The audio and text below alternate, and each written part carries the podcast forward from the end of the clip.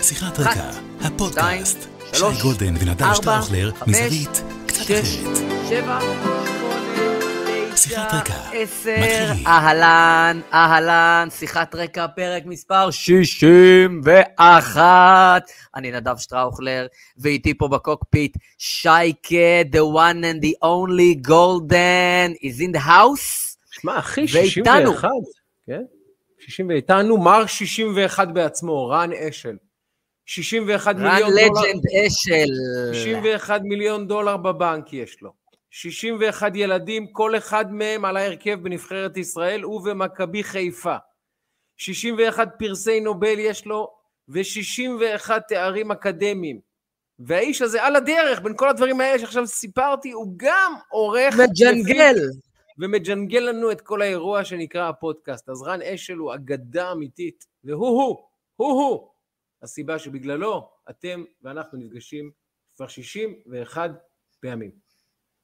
ונגיד, אנחנו פה בפייסבוק, ביוטיוב, בספוטיפיי, בגוגל פודקאסט, באפל פודקאסט, בפודבין, איפה לא, אה, שייקה, אנחנו באמת, אה, זה, זה, זה כאילו כל כך אה, כבר distributor נהיינו מר- מרוב שאנחנו מפיצים את הבשורה, אז אנחנו מזמינים גם אתכן ואתכם, הפיצו נא, הפיצו את הבשורה. אז שייקה, מה קורה? בן אדם. אני, ברוך השם, הנה מצטרפים אלינו כבר האנשים האהובים עלינו, סנונית, ואיתן ברון, ודניאל ונטר שיושב עם אשתו אווה וצופים מדרום אפריקה בנו.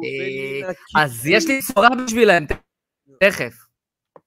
אוקיי, יפה. אני בסדר גמור, מזדקן. בוא נספר שוב. למי שנוהג לעקוב אחריי וקצת מתבלבל, אנחנו עכשיו בפודקאסט של שי ונדב, שהוא מה שנקרא, יש הרי אה, תורה נביאים אה, אה, טובים, אז הוא, הוא התורה, הוא התורה. אחרי זה באים כל מיני דברים. אה, אבל הוא באמת, הוא התשתית שממנה יוצא הכל, ונדב כמובן, למי שאיכשהו לא מכיר את שמו, יועץ תקשורת, יועץ אסטרטגי מהבכירים במדינה, חבר קרוב וגם שותף לדרך. ואנחנו כל אה, שבוע, כבר 61 שבועות, מנסים אה, להיפגש ולנהל לנהל עניינים מבעד לפרספקטיבה שלנו, ואנחנו פותחים כל פרק שכזה במה שאנחנו מכנים פרק החולצות. שימו לב, גם נדב וגם אני לובשים חולצות ספורט. נדב לובש אה, חולצת הוקי אה, דרום קוריאנית. הוקי. הוקי. ואני אה, לובש, כן, מה זה? זה חולצה של מכ- מכבי פתח תקווה, או שלא, נגלה. או שלא. ואנחנו מראים את או החולצות. הפועל פתח תקווה. בדיוק. מראים אחד לשני את החולצות, מדברים דקה-שתיים על השחקן או השחקנית שאנחנו רוצים להציג, זה פרק הספורט, ואחרי זה אנחנו צוללים הישר לתוך העניין. אז אה, תהיו איתנו את החמש דקות האלה, זה חלק מהטקס שלנו, וככה אנחנו מתניעים.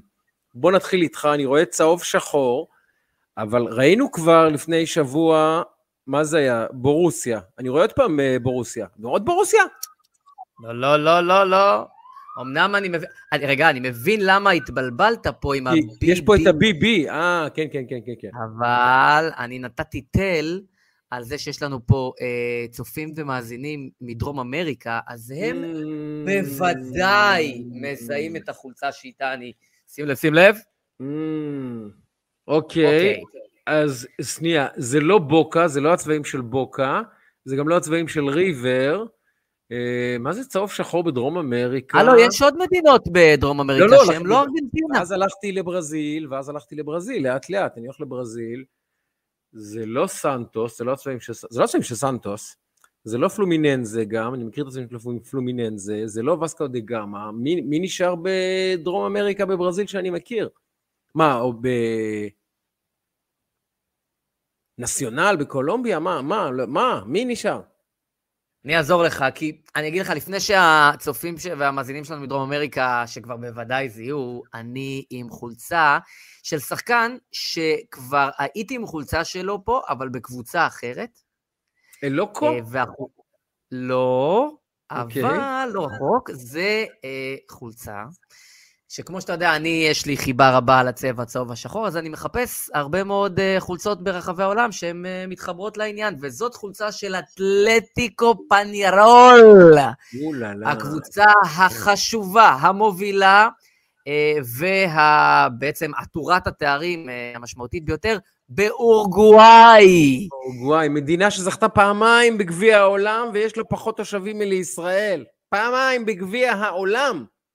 יש לה פחות ומי שיודע, מלישראל.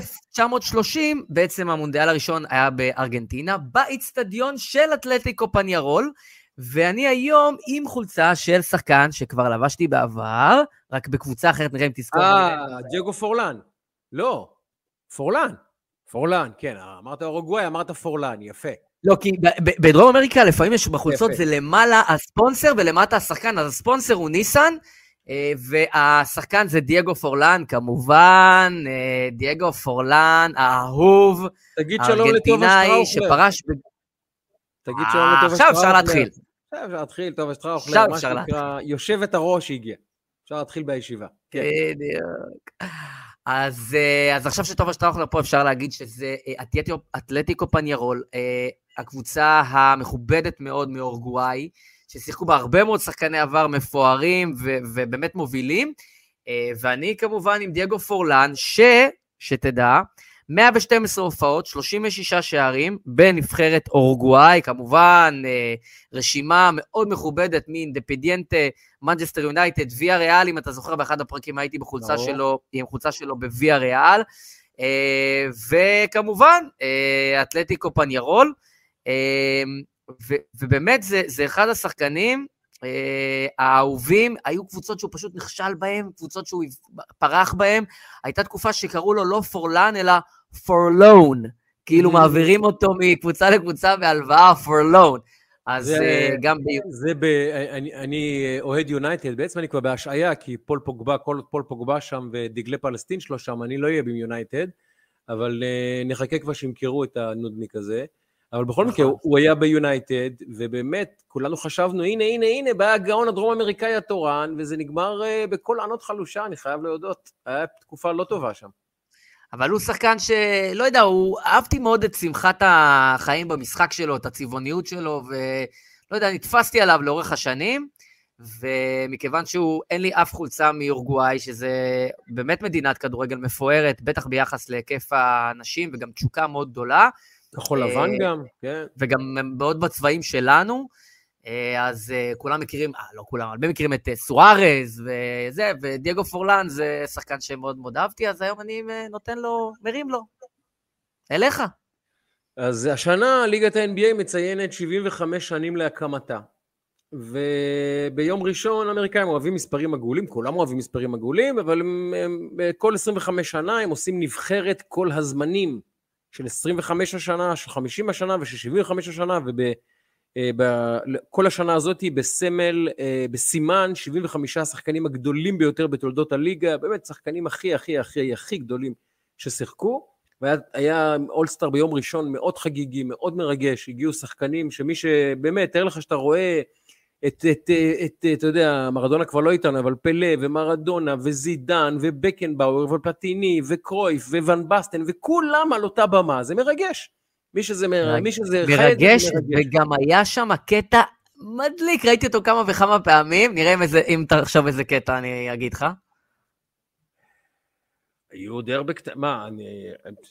תן לי רמז, תכוון אותי, במשחק עצמו? לא, לא, מחוץ למשחק, במסביב של המשחק. היה קטע שממש תפס לי את העין, אני לא ראיתי את כל המשחק, ראיתי ממש רק highlights, אבל היה קטע מחוץ למשחק, שמצולם גם מכמה זוויות ממש מגניב, אה, אה, שרואי... שרואים את לוקה דונצ'יץ' עומד, מדבר עם איזה שחקן אחר, Mm. ופתאום מייקל ג'ורדן מגיע אליו, ראית את זה? כן, כן. תשמע, זה קטע ענק, הוא מגיע אליו, ואתה רואה את לוקה דונצ'יץ', נגיד, זה היום השחקן, לא יודע, הכי חם ב-NBA, אפשר להגיד? אה, אחד מהשלושה, ללא ספק. אחד מהשלושה הכי, הכי משמעותיים, ואתה רואה את, את דונצ'יץ', שהוא חתיכת הר אדם, כן? זה לא איזה.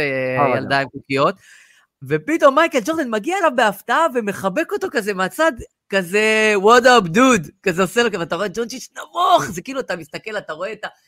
כאילו, מייקל ג'ורדן, אתה יודע, מגיע, ואז ברעיון, הוא בא מחבק אותו, וזה, נותן לו כזה, מה העניינים, וכאלה, שמור על הבריאות שלך, וכאלה, ואתה רואה את דונצ'יץ' נבוך ממש, וחיבוק מדליק, זה כזה, מחבק אותו כמו משהו ממש, מי שראה את זה, זה, זה ממש מגניב, אני ממליץ, יש את זה במלא אה, מקומות, ואז, אחרי, אחרי המשחק, בסוף, בפוסט של, ה, של האולסטאר גיים, אז דונצ'יץ' אומר, שאלו אותו על החיבוק ממייקל ג'ורדן, אז הוא אומר, מייקל ג'ורדן know my name. He knows my name. אתה מבין? כאילו. אתה מבין? אתה מבין? זה, זה, זה ממש ברמה הזאת. אה, זה כמו שאני קיבלתי חתימה מאורי מלמיליאן, באמת, עד היום, בגיל 50. אני זוכר שאמרת לי, אספר, אספר מאחורי הקלעים, לא נחשוף יותר מזה, אה, היה פעם איזשהו עניין שגרם לי אה, ולך לרצות לפנות לאלי אוחנה. ויש לך את המספר של אלי אוחנה, אתה היית פעם היועץ האסטרטגי של בית"ר ירושלים, ועזרת לה לנהל כמה מהלכים מאוד מאוד יפים. ונתת לי את המספר של אלי אוחנה, ואני זוכר שכתבתי לאלי אוחנה, תקשיב, אחי, אני בן 50, ועברתי דבר, שניים, שלושה, חמישה או עשרה בחיים, ופגשתי אנשים די רציניים בקריירה העיתונאית שלי. אני לא כזה אדם חשוב, אבל יצא לי לפגוש הרבה אנשים רציניים מאוד. ראשי ממשלה, נשיאים, רמטכ"לים, חתני פרס נובל, סופרים גדולים, מוזיקאים גדולים, באמת אנשים גדולים בארץ ובעולם, באמת כוכבים הוליוודים, פגשתי, אני אומר לך, הידיים שלי רעדו, רעדו כשהקלדתי לאלי את מה שהקלדתי לו, ואחרי זה עשר דקות, רבע שעה, פתאום ראיתי נכנס בוואטסאפ, בנוטיפיקיישן, אלי אוחנה בתגובה, אני לא צוחק, הלב שלי היה במכנסיים. ברור. אלי אוחנה כותב לך תגובה בוואטסאפ. זה, זר לא יבין זאת, באמת, זר לא זר יבין לא. יבין מי זאת, שלא, לא יבין. מי שלא חי ספורט לעומק, וכילד, באמת, אני בן 50 והתרגשתי כמו ילד. אלי אוחנה ענה לי. ואני אומר לכם, נכנסו לי לוואטסאפ אנשים שמשפיעים על חיינו פה ברמות מאוד מאוד משמעותיות. אמרתי, בסדר, הנה, בן אדם כותב לי, אפשר לענות לו, לא התרגשתי. אבל כשאלי אוחנה כותב לך, איזה אה. זה אירוע אחר, זה אירוע בסדר גודל... אה, רגע, אז- לא, אז לא, החולצה אה, שלך, אז אני- תן לי, מה? אז אה. היו שם 75 השחקנים הגדולים בכל הזמנים, כמובן שכמה כבר לא איתנו, ביניהם קובי בראיינט שלפני שנתיים לצערי נהרג. וחשבתי לעצמי מי יהיה בוודאות. אז לוקה יהיה בוודאות, אבל כבר הבאתי חולצה של לוקה, ויש עוד כמה שחקנים, אבל העונה הזאת היא עונת הפריצה של שחקן בשם, זה עבורך גם שתדע לגלגל את השמות החמים, מהמם. שם, רואה את השם? מורן. רגע, לא, רואים- רואים רק 12. תראה לנו. אה? מו- מה זה? מורנט, מורנט. בדיוק. ג'ה מורנט, זה שמו הפרטי, ג'ה, שם משפחה מורנט. ג'ה is בשם- one. לקח קבוצה בשם ממפיס גריזליס, שהייתה באמת המכבי יבנה של הליגה. באמת. קבוצה בינונית, חלשה, לא מגיעה משום מקום לשום מקום, לא עושה שום דבר, באמת לא מאיימת על אף אחד, לא מטרידה אף אחד. פתאום מגיע האיש הזה, הילד הזה, ילד, מטר שמונים ושמונה, עם קפיץ ברגליים שאי אפשר לתאר בכלל. אני אשלח לך אחר כך בוואטסאפ את, ה- את הלינק לדנק שלו במשחק האולסטאר. אני אומר לך, ה- אה, ב- את המשחק פירשו רג'י מילר ודוויין וייד, שני, שניים מהגדולים בכל הזמנים. אין על רג'י, אחלה הם, הם, רג'י. הם פירשו אותו. ולקח להם שתי דקות להירגע ממה שהם ראו, והם ראו כמה דברים בחיים כאמור. אז הילד הזה, ג'ה מורנט, בחור בן 21, הוא באמת אולי הכוכב הגדול הבא של הכדורסל האמריקאי, לא העולמי, כי כיום יש לוקה ויוקיץ', שחקנים אירופאים, אנטוטוקומפו, למעשה השחקנים הכי טובים בעולם היום הם אירופאים. אשכרה. אנטוטוקומפו, יווני. יוקיץ', ה-MVP של שנה שעברה, אה, סרבי.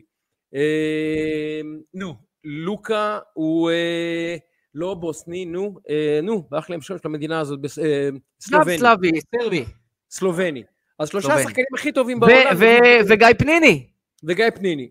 והם שלושה השחקנים הכי טובים בעולם היום, אולי הם אירופאים, קווין דורנט, הוא פצוע, אז הוא ללא ספק שמה, וג'ה מורנט הוא התקווה הבאה של הכדורסל האמריקאי. השם הגדול הבא בכדורסל האמריקאי זה הילד הזה, ג'ה מורנט, תזכור אותו, אתה תלך איתו עוד 10, 12, 14 שנה, ותראה אותו עושה דברים מדהימים. אז זה השחקן יאללה, שלי. חידשת לי, זה ג'ה מורנט, וואלה כולו מן הלנט, אז אנחנו לא- נזכור אותו. אני רוצה יפה. לפתוח אותך קודם בנושא שלא דיברנו עליו קודם, אבל במקרה אוקיי. עכשיו כתב, כתב פה איזה מישהו, וחשבתי שחשוב להתייחס לזה. לפני חמש שנים, אישה בשם שירה רבן, שעבדה בבית משפחת נתניהו, שהייתה שם אה, אה, אה, משק בית, עבדה במשק בית, כן. הגישה אה, תביעה על יחס משפיל, התעללות, אה, יחסי אנוש מזעזעים, אה, נגד שרה נתניהו. אני במקרה זוכר את יום שישי, עיתון ידיעות אחרונות על השער, בכותרת, במה שנקרא, בספרד של הכפולה הגדולה, בכותרת של יום שישי, שזה סדין, זה ברודשיט, זה עיתון גדול ביותר. היה פרוסים כל סעיפי ההאשמות מכתב האישום של אותה שירה רבן, ואני אומר לך, מי שקרא רק את סעיפי ההאשמות שלה, יותר נכון את, הסעיפי ה, אה, את, את הסעיפים שהיא הגישה בתצהיר לבית המשפט, באמת אה, אמר לעצמו, האישה הזאתי, שרה נתניהו, היא כנראה המפלצת הכי גדולה שנבראה אי פעם, והאישה הזאתי, צריכים להרחיק אותה מחברת בני אדם. עכשיו, על רקע הסיפור הזה, אה, אנשים טובי לב ואנשים הוגנים וישרים, בעלי אתיקה, כמו בן כספית, במשך שנים, ורביב דרוקר ועוד כל מיני יהודים טובים, שופכים את דמה של האישה הזאת, לא רק על רקע הסיפור הזה, אבל זה סיפור שהם נעזרו בו רבים, מצטטים, משתמשים, וקיבעו אותו כעובדה בברזל, שהאישה הזאת היא פשוט שטן שמתעלל באנשים. והנה היום, בית המשפט, בתום חמש שנים, אגב, תחנות הצדק טוחנות לאט, אה, באמת, כולנו אה, נחיה ונמות חמש פעמים עד שיגיע הכרעה בענייני, בענייני, בענייני הצדק שלנו. והנה היום בית המשפט, אין דרך אחרת לומר זאת, זורק מכל המדרגות את גברת רבן ואת התביעה שלה, ואומר שלא נמצא שום בסיס ראייתי, שום בסיס עובדתי לטענות שלה, ושהטענות שלה כולן עורבא פרח, ושאין בסיס לתביעה, ודוחה אותה על הסף. עכשיו, הדבר הזה מופיע אה, באתר אינטרנט, ראיתי אותו באמת, אה, הידיעה ה-17 או ה-18. חיפשתי בשלושה ארבעה אתרים, מצאתי רק באחד. ואני אומר ככה, כעיתונאי אני אומר, שלפעמים אני מתבייש, מתבייש בדברים שהמקצוע שלנו מעולל לאנשים. הזכות שאנשים לוקחים לעצמם, עיתונאים, לפעמים, אה, לעשות שימוש במקלדות שלהם, במצלמות שלהם, באולפנים שלהם, במיקרופונים שלהם, כדי פשוט להשמיד אנשים, להשמיד מוניטין, להשמיד שם טוב. יש אנשים שמאבדים את עולמם ממש, יש אנשים שלוקים בליבם ומתים, יש אנשים שמאבדים את משפחותיהם, את, את, את, את, את, את, את חבריהם, את הכל. וכאשר הפרסום מתפרסם ככוזב, או כלא מדויק, אה, אני לא אה, זוכר מקרה שבו כלי תקשורת להוציא מקרים שבהם אה, בית המשפט אילץ אותו, פרסם תיקון, תיקון לדבריו. נכון שלפעמים זה יחזיר אותנו אולי לכלכליסט, יעביר אותו לכלכליסט, נכון שלפעמים כלי התקשורת מפרסם ידיעה שנועדה בעצם לומר מה שאמרתי בזמנו, תקראו עכשיו את הידיעה הזאת, היא הנכונה. אבל הוא לא יגיד, בניגוד למה שפרסמנו בתאריך X על דעתו, וזו האחריות של כל כלי תקשורת הוגן לעשות.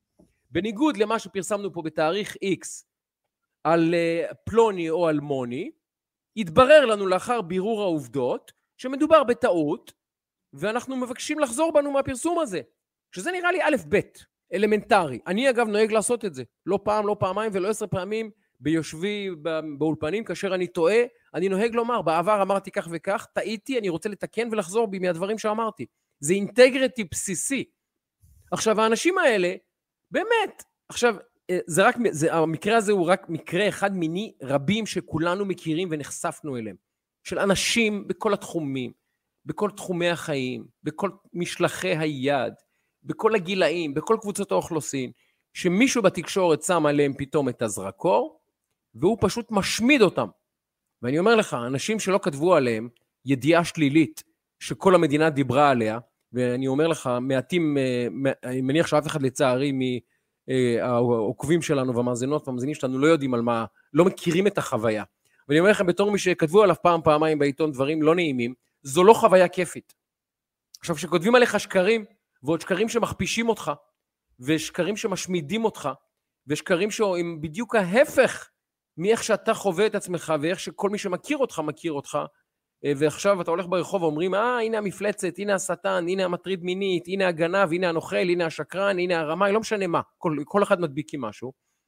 אה, זה, זה, זה פשוט פשע, זה פשע. זה פשע שהתקשורת לפעמים עושה לאנשים, ואני אומר, מותר לפרסם ומותר לטעות, הכל בסדר.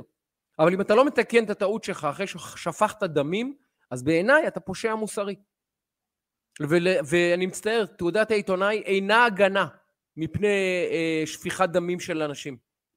אינה. ואי אפשר אינה. להגיד במקרה הזה שמדובר בתינוקות של בית רבן. לא, לא, לא... במקרה הזה של, של רבן, של שיר הרבן.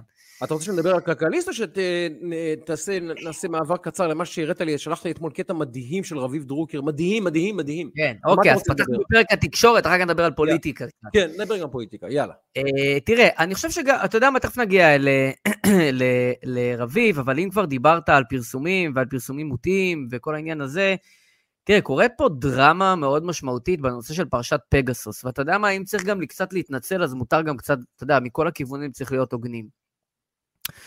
אה, ואני אומר שזה, בשונה משלטים שהיו פה בהפגנות מסוימות, זה לא השם עד שיוכח אחרת, זה, זה זכאי עד שיוכח אחרת, ונטל הוא על מי ש...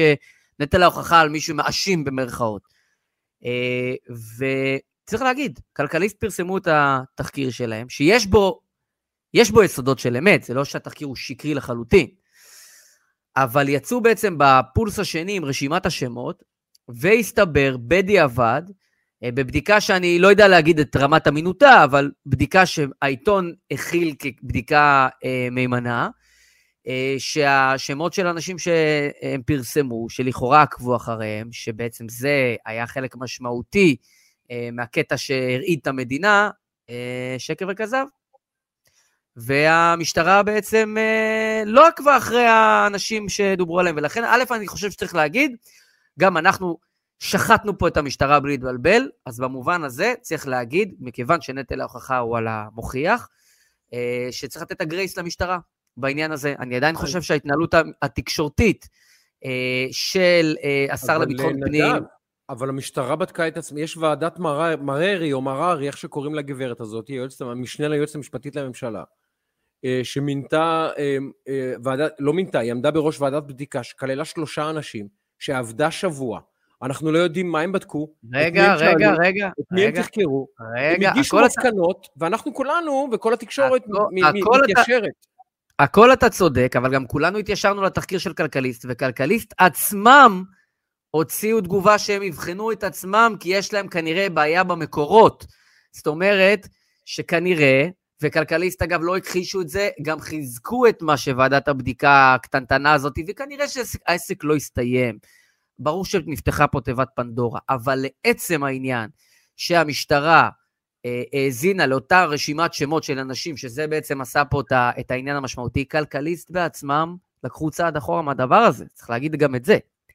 ברור לחלוטין, שדיברנו פה על פרשיות אחרות, איך המשטרה מתנהלת, ואני לא בא לנקות עכשיו את המשטרה ולהפוך אותה לזכה וישרה ותמימה, ותכף נדבר על עוד משהו של המשטרה בהיבטים אחרים, אבל בעניין הספציפי הזה צריך גם להיות uh, שרים והוגנים.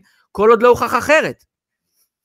אז אני אגיד לך ככה, במקרה הזה של פרשת פגסוס, דין פרוטה כדין מאה, ואני אסביר למה אני מתכוון. אנחנו יודעים, ועל זה לדעתי כבר אין חולק, ואפילו המשטרה מאשרת, שהיה ניסיון, לא ניסיון, שהטלפון של פילבר נפרץ. מעבר לסמכות הצו שלא ניתן ממילא, כי לא ניתן צו מרחיב שכזה, כי אין צו כזה בכלל אין ספק בעניין. זה, אגב, לי גם אין ספק שזה קצה הקרחון באירוע. זה אנחנו יודעים, זה מודים כבר, אין בכלל ויכוח. פילבר נפרץ. עוד אנחנו יודעים שנעשו עוד שני ניסיונות לפרוץ לשני מכשירים, בזה הם מודים, שלטענתם לא הצליחו. זה הם טוענים, זה הם, זה הם מודים. אז עכשיו, אתה, אתה יודע מה? בסדר, אז זה לא 27 אנשים. אבל משטרת ישראל שתלה תוכנת רוגלה לאדם שהיה אה, במהלך חקירה, הוא עוד לא היה עד מדינה, במהלך חקירה, הוציאה ממנו מידע, המידע הזה, אנחנו מבינים קרוב לוודאי, אה, סייע להם לגייס אותו לתפקיד עד המדינה. המידע הזה שהם קיבלו הוא מידע שכולל את כל חייו הפרטיים, את כל העניינים שאין אה, למדינה שום סמכות, זכות ורשות לראות בשום הקשר, אין שום בית משפט בישראל, ואגב במדינה דמוקרטית בעולם, שיכשיר פעולה כזאת. אז הדבר הזה נעשה, אבל משום מה, משום מה, כלי התקשורת מציינים שהפרשה כולה עורבה פרח, שפגסוס זה, זה ברווז עיתונאי, שכלכליסט זה חבורה של כלומניקים, כאשר יש הודאה בפשע שנעשה חמור מאוד. עכשיו, אני רוצה לשאול, רגע, לצד הפרסומים של כלכליסט ושל ועדת מררי, שאומרת שהשמות לא מדויקים ושלא נעשה, לא עשו כל כך הרבה ניסיונות, איפה פרסום ההמשך שאומר האנשים שפרצו למכשיר של פגס, של סליחה, של פילבר, ואנשים שנתנו להם את ההוראה או את האישור ואנשים שהשתמשו בחומרים שקיבלו מהטלפון של פילבר, את כולם אנחנו מעמידים עכשיו לדין, כי הם שותפים לדבר עבירה. על זה לא קראתי שום מילה, נדב. בוא, אז בוא נעשה, בוא נעשה לא רגע... ש- זה, זה מקרה של דין פרוטה כדין מאה. אז בוא נעשה, בוא נעשה, בוא. נעשה, בוא ניקח את זה יותר רחב, לסקופ שבעיניי צריך להסתכל על זה ומכמה זוויות שונות. אחד, אנחנו הלכנו בתכלס, אה, שבי אחרי הפרסום של כלכליסט, זאת אומרת, באמת. צריך, הלכנו שבי אחרי הפרסום של כלכליסט. עכשיו, יש פה יסוד מאוד משמעותי, שלצערי, אני חושב שהפרשה הזאת היא הרבה יותר גדולה ממה שפורסמה. הרבה יותר משמעותית, הרבה יותר מסוכנת לביטחון האזרחים, ודיברנו פה לא אחת גם על פרשיית אה, אה, היועצים של נתניהו, והנושא של איך לקחו להם את המכשירים, ועל ה, אה, על, אה, על כל הנושא של איך הכשירו את הראייה בדיון אה, מורחב של אה, תשעה שופטים. אני לא חושב שהמשטרה פה היא כליל השלמות. עכשיו, לצד כל זה, צריך להגיד שהלכנו שבי אחרי הפרסום באופן מלא. עכשיו, אני לא טוען שוועדת אה, מררי אה, היא, היא יסוד העניין שתגלה לנו את כל העניין, חייבת להיות פה ועדת חקירה הרבה יותר משמעותית, צריך לפתוח את האירוע הזה בצורה הרבה יותר רחבה, צריך לראות את כל ה... אנחנו ראינו גם בכלל בכל, בכל הפרשה של, אה, של נתניהו, איך הדברים מתנהלים, זה מאוד ברור ושקוף. אבל צריך לשים פה רגע עוד סקופ. מצד אחד, אנחנו אומרים, אה, האמינות של התקשורת היא מאוד מאוד נמוכה. מצד שני, צריך להגיד, כולנו הלכנו שבי באופן מוחלט אחרי השמות שכלכליסט פרסמו, ופה כנראה, וגם כלכליסט אומרים את זה, שכנראה שהייתה להם טעות, הם הסתמכו על מקור, שכנראה השמות האלה הם לא נכונים. אולי יש 100 מיליון איש אחרים, אבל זה היה הפרסום האחרון. ולכן צריך להסתכל גם על הזווית שמצד אחד אנחנו אומרים, מבחינה תקשורתית, אנחנו אומרים, אה, האמינות של התקשורת היא מאוד מאוד נמוכה, מצד שני, אנחנו, אתה רואה את כלכליסט, לוקחים כמה צעדים אחורה. לצד כל אלה, לצד כל אלה, ברור שהמשטרה מתנהלת פה בצורה גם עניינית וגם אה, תקשורתית, בצורה מאוד לא חכמה. אני בלשון אני- המעטה.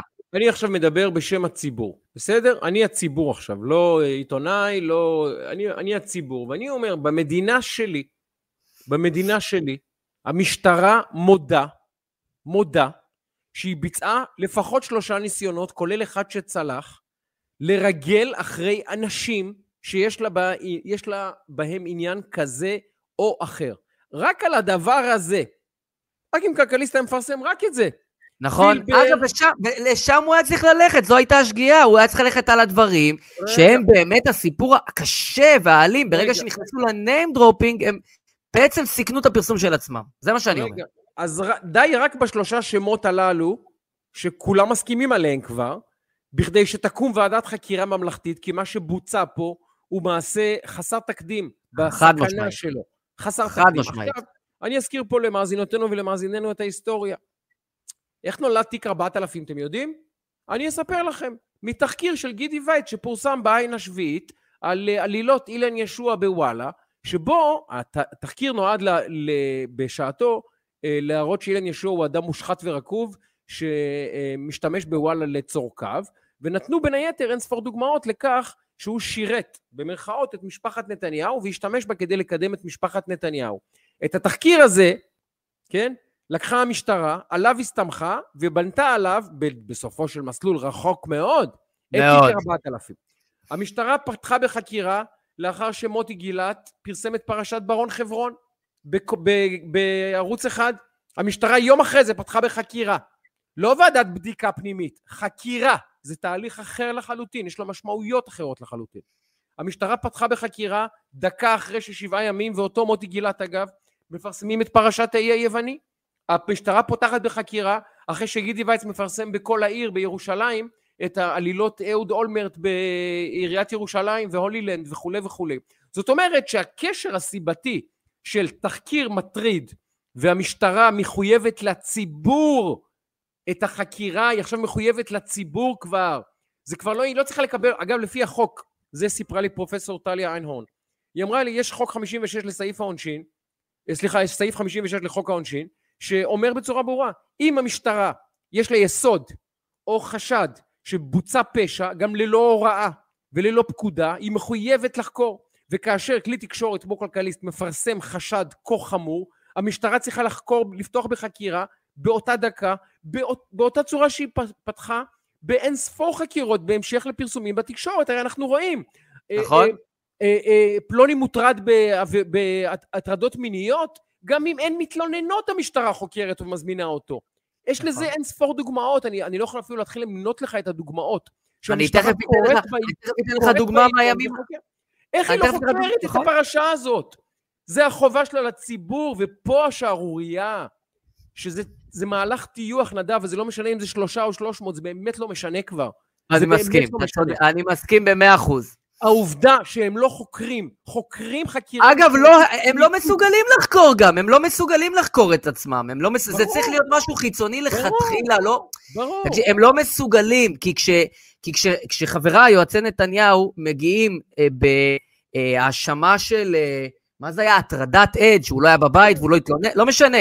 לוקחים אותם ולוקחת אותם, אותם חוקרת וחוקר, שהחוקר הוא כמו מג"ד, אבל לא סתם מג"ד, בסיירת מטכ"ל, הם, הם לא באים לאיזה תחנת שוקומוקו, הם באים ליח"א, ל-443, סיירת מטכ"ל של המשטרה, שחוקרת אותם, ואומרת להם, אה, אדוני, פתח את הטלפון. כל מה שאני אומר מגובה והוכח, וגם הגיע לבית משפט והוכח כנכון, כן? זה עובדות, עובדות מה שאני אומר. מגיעים, מבקשים מהם לפתוח את הטלפונים, אומרים, סליחה, הטלפונים באוטו, מבקשים מהם ללכת להביא את ה... לא, מלווים אותם נגד החוק, נגד זכויות הבסיסיות ביותר של הפרטיות. לוקחים אותם, לוקחים להם את הטלפונים, מכריחים אותם לפתוח את הטלפונים נגד החוק, לוקחים את הטלפונים, מוציאים הודעות, מעבירים בקבוצות שלא קשורות לחקירה, הודעות שלא קשורות לחקירה.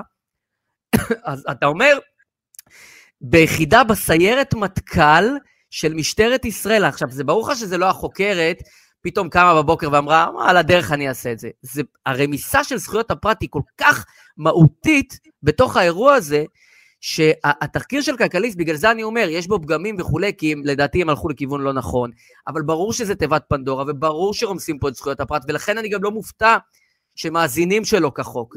כי זאת שיטה, זה לא אירוע נקודתי, זאת שיטה. ואני אומר, נדב, אסור ליפול לספין, כי זה הספין שעכשיו מנסים המטייחים לעשות לנו, מול הפנים. הספין הוא, אה, אה, כלכליסט טעו בפרסום, ולכן אין שום דבר, הכל עורבא פרח. זה הספין. הספין עכשיו הופך להיות, האם כלכליסט טעו או לא טעו? לא, לא, לא, לא, לא, זה לא הסיפור שאנחנו בכלל עכשיו מדברים עליו, או צריכים לדבר עליו כציבור וכחברה ישראלית. הציבור צריך לשאול, עזבו שנייה כלכליסט, האם המשטרה עכשיו נותנת לי תשובות לאזרח, לשאלה המדהימה הזאתי, האם היא באמת ריגלה שלא ביודעין ושלא בסמכות ושלא באחריות ושלא בזכות אחר אזרחים באופן שהוא שהוא הוא, הוא נפשע, הוא, הוא פלילי, הוא לא נפשע, הוא פלילי ממש. הוא, הוא, הוא, הוא עברייני, הוא עברייני דה פקטו. לא טעו או לא טעו. זה שהמשטרה חק... אה, אה, ריגלה, אנחנו יודעים. וזו עובדה שלא נפתחה עובדה, אה, חקירה פלילית, סלאש ועדת חקירה מיד הוקמה, היא רק מלמדת על מהלך הטיוח שאנחנו רואים מול העיניים, נדב. ועכשיו כולנו משתפים פעולה עם השיחה על כלכליסט. כלכליסט כבר לא מעניין. זה כבר לא מעניין כלכליסט. באמת, אותי כבר לא מעניין מה יכתבו בכלכליסט. אותי מעניין שהמשטרה את הדבר הזה פשוט בוחרת לא לבדוק, ואין מי שיגיד לה, אומר, לא יועמ"ש, לא, לא, לא שר הביטחון פנים. זה מה, ש, לא זה, מה ש, זה מה שאראל סגל, חברנו, שהתארח פה גם, אומר כבר שנים, והוא חפר לי על זה כמו זה המון שנים, כאילו, ואמרתי לו, אחי, שחרר, אבל הוא פשוט, אני צריך להגיד, אראל סגל צדק. הוא אמר, אין, מי יחקור את החוקרים? נכון. אין מי יחקור את החוקרים. עכשיו, נכון. במקרה הזה, זה המשטרה לא יכולה לחקור את עצמה, נכון, זה כאילו, זה כמו, נכון. זה כמו שאני, שר, כמו שאני אשדר משחק של ביתר, אני לא, זה לא יכול להיות, זה לא, זה לא, זה לא יכול לקרות, זה לא, אפשר, זה לא אובייקטיבי. אז זה אני, לא... מוכרח, אני מוכרח שוב להיות אולי זה יישמע דמגוגיה, ואני מוכרח לומר את זה. אה, את ההאשמות במשפט נתניהו, אתה יודע מה? ההאשמה הכי חמורה במשפט נתניהו מה היא? שוחד, כן? נגיד, שוחד תמורת הטבות רגולטוריות שלא ניתנו מעולם על פרסום, אה, אה, איך קוראים לזה? פרסום יתר או whatever, החרטא הזה. סיקור אוהד, כן. סיקור אוהד שלא ניתן מעולם. זה ההאשמות הכי חמורות בתיק. ה, על ההאשמות החמורות הללו שיגעו את המדינה, שיגעו את המדינה, גייסו פה אה, עשרות חוקרים, השכיבו עשרות, שלא לומר מעל 100 מיליון שקל, כך אני הבנתי, בחקירות האלה, טרללו את המשטרה, את הפרקליטות, את התקשורת, את עם ישראל, את כולנו, על העבירות האלה. עכשיו, העבירה שחשוד במי שביצע את הריגול אחר פילבר חמורה פי 300 חד מהעבירות. הכי חמורות בתיקי נתניהו, והמשטרה לא טורחת לבדוק. אז, אז כאזרח אתה אומר, רגע, מאה אחוז, אתם רוצים לחקור את נתניהו? בסדר גמור. אבל חבר'ה, יש פה פשעים, לפחות חשד לפשעים, חמורים וגרועים בהרבה, ואתם אומרים, אני אסתפק בוועדה פנימית ואני אשחרר אתכם לדרככם עם תשובה, לא היה כלום? זה, אני מצטער, ככה נראה, אה, באמת, ככה נראה טיוח בהגדרה שלו, וככה נראית יריקה בפרצופו של הציבור בהגדרה שלה. אני מצטער, אסור ליפול לספין, כלכליסט טעה או לא טעה. אה, אל לא תצטער, אל תצטער, אתה צודק, ואני רוצה להתקדם איתך, כי יש לנו עוד כמה עניינים בהקשרים האלה. אני רוצה עוד סגיר אחד לגבי המשטרה, ואחר כך אנחנו נמשיך לכמה עניינים פוליטיים, כי יש כמה דברים ששווה לדבר עליהם. אה, אפרופו המשטרה, אה, היום בטח ראית בידיעות אחרונות ובעוד כל כך הרבה מקומות אחרים, לא להאמין, אבל אה, היה מקרה אלימות במגרש. אתה ידעת שיש אלימות במגרשים? אתה ידעת שהמשטרה מרביצה לאוהדים? בישראל? לא, בישראל. אני אגיד לך למה לא ידעת. עכשיו, הדבר הזה לא יכול. אני ראיתי במו עיניי, אני אפילו לא יודע להגיד לך כמה מקרים של אלימות משטרתית, כולל פרשים, כולל מה שאתה רוצה, אה, שפשוט אה, אה, מתנהגים לאוהדים כ... אני אפילו לא יודע להגיד כמה, זה פשוט כאילו אה, אלימות כל כך קשה וברוטלית לא. ללא צורך. כמו אסירים במחנה שבויים. אתה אומר, "ל- למה הם מרביצים להם? אתה, באמת, אתה רואה את התמונה, אתה אומר, למה הוא מרביץ לו? למה? למה? אז, אז תראה, אז, אז אני רוצה לתת פה איזה, איזה טסט קטן, כי זה באמת איזה. קודם כל, אני, אי אפשר לחשוד בי באהדתי חלילה להפועל תל אביב. אבל אני חושב שבעניין הזה של אלימות כלפי אוהדים, אין הפועל, מכבי, ביתר, whatever, צריך לצאת נגד זה כאיש אחד. Uh, המשטרה מתנהגת במגרשי הכדורגל, הרי אם זה היה בקאמרי או בכל מקום אחר, או לא יודע איפה, בסרט, זה, זה לא היית חושב על דבר כזה, על אלימות שכזאת. הם פשוט משתמשים בברוטליות, ממש שולחים כאילו את האנשים, חלק, לא כולם, לא רוצה להכליל, הכי אלימים שיש, לבוא לפרוק. כאילו הם באים לפרוק את העצבים שלהם על האוהדים, ופעם זה ביתר, פעם זה מכבי, פעם זה הפועל. אבל צריך להגיד, אוהדי הפועל הם דה פקטו ומתמטיקה וסטטיסטיקה, אמת, ואני גר, אמת, אני גר אמת. פחות מקילומטר מבלומפילד, הם האלימים ביותר. בכדורגל, בכדורסל ובכל מקום אחר. אמת, עכשיו, אני לא- לאורך, ש- לאורך שנים אגב, זה לא שנים, דבר של שנה ובשנים, זה. רק, וזה רק הולך ומחריף, הם, לא כולם, אני לא מכליל, אבל יש לא. מביניהם אלימים וממש מראות מכוערים, ראיתי את זה לנגד עיניי לא אחת, ולא, יש הרבה אוהדים אה, שהם אה, כאילו זה, הפועל זה בעיניי האלימים והבזויים ביותר על אותה קבוצה אלימה, אני מדבר, לא על כולם. עכשיו, לצד זה, עדיין זה לא אה, מצדיק את האלימות המשטרתית הזאת. עכשיו, מצד אחד, אה, כל זה קורה, ומצד שני, אלימות במגרשי הכדורגל זה לא דבר חדש. אבל כשהאלימות מוכוונת כלפי אוהדי הפועל, פתאום כל המדינה מדברת על זה. ברור. כשאוהדי בית"ר חוטפים מכות, אף אחד לא מדבר. כשאוהדי חיפה חוטפים מכות, כשאוהדי מכבי, אף אחד לא מדבר. ואוהדים חוטפים מכות במגרשים, לצערי הרב מאוד, זה קורה. ולמה? ולמה? כי חצי מהעיתונאים שמסקרים כדורגל בישראל, וחצי מהעיתונאים שמסקרים פוליטיקה בישראל, וחצי מהאורחים, ואנחנו מכירים, אני, אני, אני יושב במערכות, ישבתי לפחות במערכות האלה עם האנשים האלה, חצי מהמערכות זה אוהדי הפועל. אז לכן, כל התקשורת משתוללת. קל מאוד להסביר כמו, את זה. אז כמו שלא ידענו מה זה במרכאות מכתזית עד ההפגנות בבלפור, למרות שחרדים יכולים ל- ל- לדקלם לך מה זה מכתזית בהפגנות חרדים, שלהם. מתנחלים, מי כולם, כולם. עד יודעים, שזה, הגיע, מפגינים- עד שזה הגיע להפגנות בלפור, ואז גילינו שיש כזה דבר מכתזית. אותו דבר אלימות שוטרים. האלימות המשטרתית במגרשי כדורגל, מתי היא נולדה? כשאוהדי הפועל חטפו מכות. פתאום טורים, אתה נכנס לאתרי הספורט, ספורט 5, ONE, הכל, הכל כאילו, כאילו המכות, זה פעם ראשונה, זה אירוע... ידיעות אחרונות, עמוד 2, עמוד 3, טור שלם על אלימות וזה. אתה יודע איזה מכות ראיתי שאוהדי בית"ר חוטפים לאורך שנים במגרשים? פרומיל מזה לא ראית. פרומיל! כאילו פעם ראשונה, מתי יש מכות? כשזה אוהדי הפועל. אז יש פה גם שוטרים אלימים, גם אוהדי הפועל שהם הכי אלימים בארץ, אבל זה לא מצדיק לתת מכות סתם, וגם זה שאלימות משטרתית, אתה יודע מתי יש? רק כשהיא נגד הפועל. עד אז לא מדברים על זה בתקשורת. אז זה סתם נכון. לגבי שוטרים ותקשורת. שאגב. רק ההפגנות של, ה, אה, של הבלפוריסטים, אה, הם הפגנות שמסקרים ומרעישות את המדינה, והפגנה ביום חמישי שהייתה בכיכר בימה, אה, אני חייב להראות לך, דעתי שמרתי את זה, אני חייב להראות לך, זה הכי מצחיק, דעתי שמרתי את זה צילום מסך, אבל לא שיתפתי. היה, מה, אתה מדבר על התמונה מההפגנה ליד מודעות האבל? ההפגנה, לא, לא, היה כותרת בוואלה, זה היה הכי מצחיק. כן. איפה הכותרת? הנה הכותרת. שים לב. הכותרת של וואלה, רואים פה מה כתוב? זה מאות. ממש בז- בזמן ההפגנה, אה, כותרת אה, שבע או שמונה, לא, לא כותרת ראשית כמובן. מאות בהפגנת ימין בתל אביב, נכון? אתה נכנס לידיעה, שים לב מה כתוב בידיעה. יותר מאלף איש מגוש הימין. בסוף הידיעה כתוב, המשטרה מעריכה שהיו מעל חמשת אלפים איש. אז הכותרת אומרת מאות, הכתב אומר מעל אלף, ובפנים המשטרה אומרת מעל חמשת אלפים, וכל זה מתפרסם בוואלה, בידיעה, ואיש לא מצייץ, ואיש לא פוצה, וזה פשוט, פשוט זה, זה פשוט... אבל תראה, אם אין אנחנו מילים, רגע... אין מילים, אין מילים. אבל אם אין אנחנו מילים. רוצים רגע לקפוץ. עוד, עוד אה, שכבה בעניין הזה, אני חושב שיש פה בעיה קשה, באמת, אם אנחנו עושים רגע מה שנקרא התבוננות, אה, יש בעיה קשה בניווט של המחאה הזאת. וזה לא. יתרומם גם מעל החמשת אלפים איש, כל עוד ימשיכו בנרטיב שכרגע מפמפמים. תראה, יש גם, צריך ללמוד מכל אחד, צריך ללמוד מכל מערכת ומכל... אה, אה, זה. מעבר לאיך שהתקשורת, זה רק מחזק את מה שאני רוצה לומר.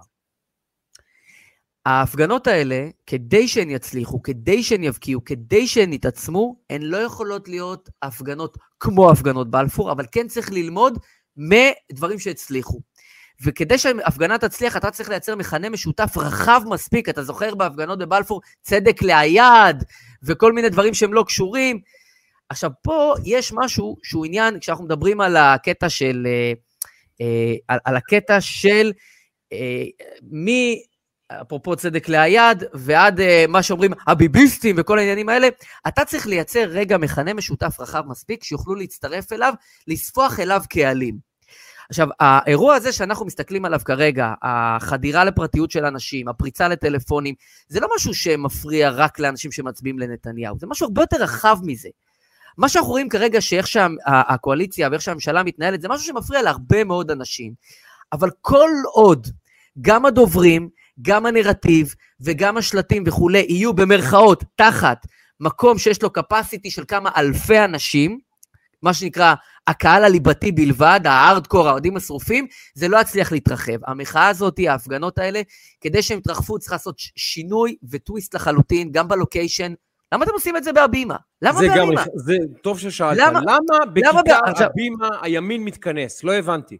לא עכשיו, הבנתי. כשאתה, כשאתה יודע שבסוף התקשורת לא תיתן לך גיבוי, שבסוף מה שיש לך זה כלים אחרים לגמרי, אתה לא יכול להשתמש באותם כלים שהצד השני ישתמש, אבל כן, תנסה לייצר, אפרופו צדק ליד, אני משתמש בזה בכוונה, כמשהו שהוא לא קשור להפגנות בלפור, אבל נכנס להפגנות בלפור, וכל הסיסו ושמחו והצהלות שהיו שם, דברים שלא קשורים בכלל לנתניהו. אבל הם הצליחו לייצר מכנה משותף רחב מספיק כדי לספוח עוד קהלים. עד שמי שמנווט את ההפגנות האלה לא יבנה מסר ברור, נרטיב ברור, משהו שפונה למכנה משותף רחב יותר, אתה, אתה תראה עוד פעם ועוד פעם את uh, אותו קהל מסור, אוהד, הדוק, אכפת לו, אבל זה קהל לא מספיק גדול בשביל לייצר משהו משמעותי. למשל, יוקר המחיה, חרדים, קהלים שיכולים להתחבר לדבר הזה, והכל תחת אותו, אותה אג'נדה של הממשלה הזאת, איך היא מתנהלת ואיך היא פוגעת באזרח. אם אתה תעשה מהלך ותבנה אותו בתבונה, עם מסר נכון, עם קבוצות שמעבר לקבוצות ההומוגניות המצומצמות, תוכל להרחיב את היריעה. במקום זה, הולכים עוד פעם ועוד פעם לאותו קהל. עכשיו, אפשר לעמוד עם חוק כפיים, להגיד התקשורת לא מסקרת, זה הכל נכון. אבל אם אתה רוצה לייצר מחאה עממית, גדולה, משמעותית, אתה צריך לספח עוד קהלים. כדי לספח עוד קהלים, אתה צריך לדבר על מכנה משותף רחב וגדול, וכל עוד לא יעשו את זה, אז אנחנו ניתקל באותו דבר ונגיד התקשורת לא מסקרת, והיא גם באמת לא תסקר את זה. אז אתה חייב לייצר מכנה משותף שייצר מחנה משותף. זה, זה, זה התלקיט שאתה צריך לייצר בקצה. כרגע זה לא קורה.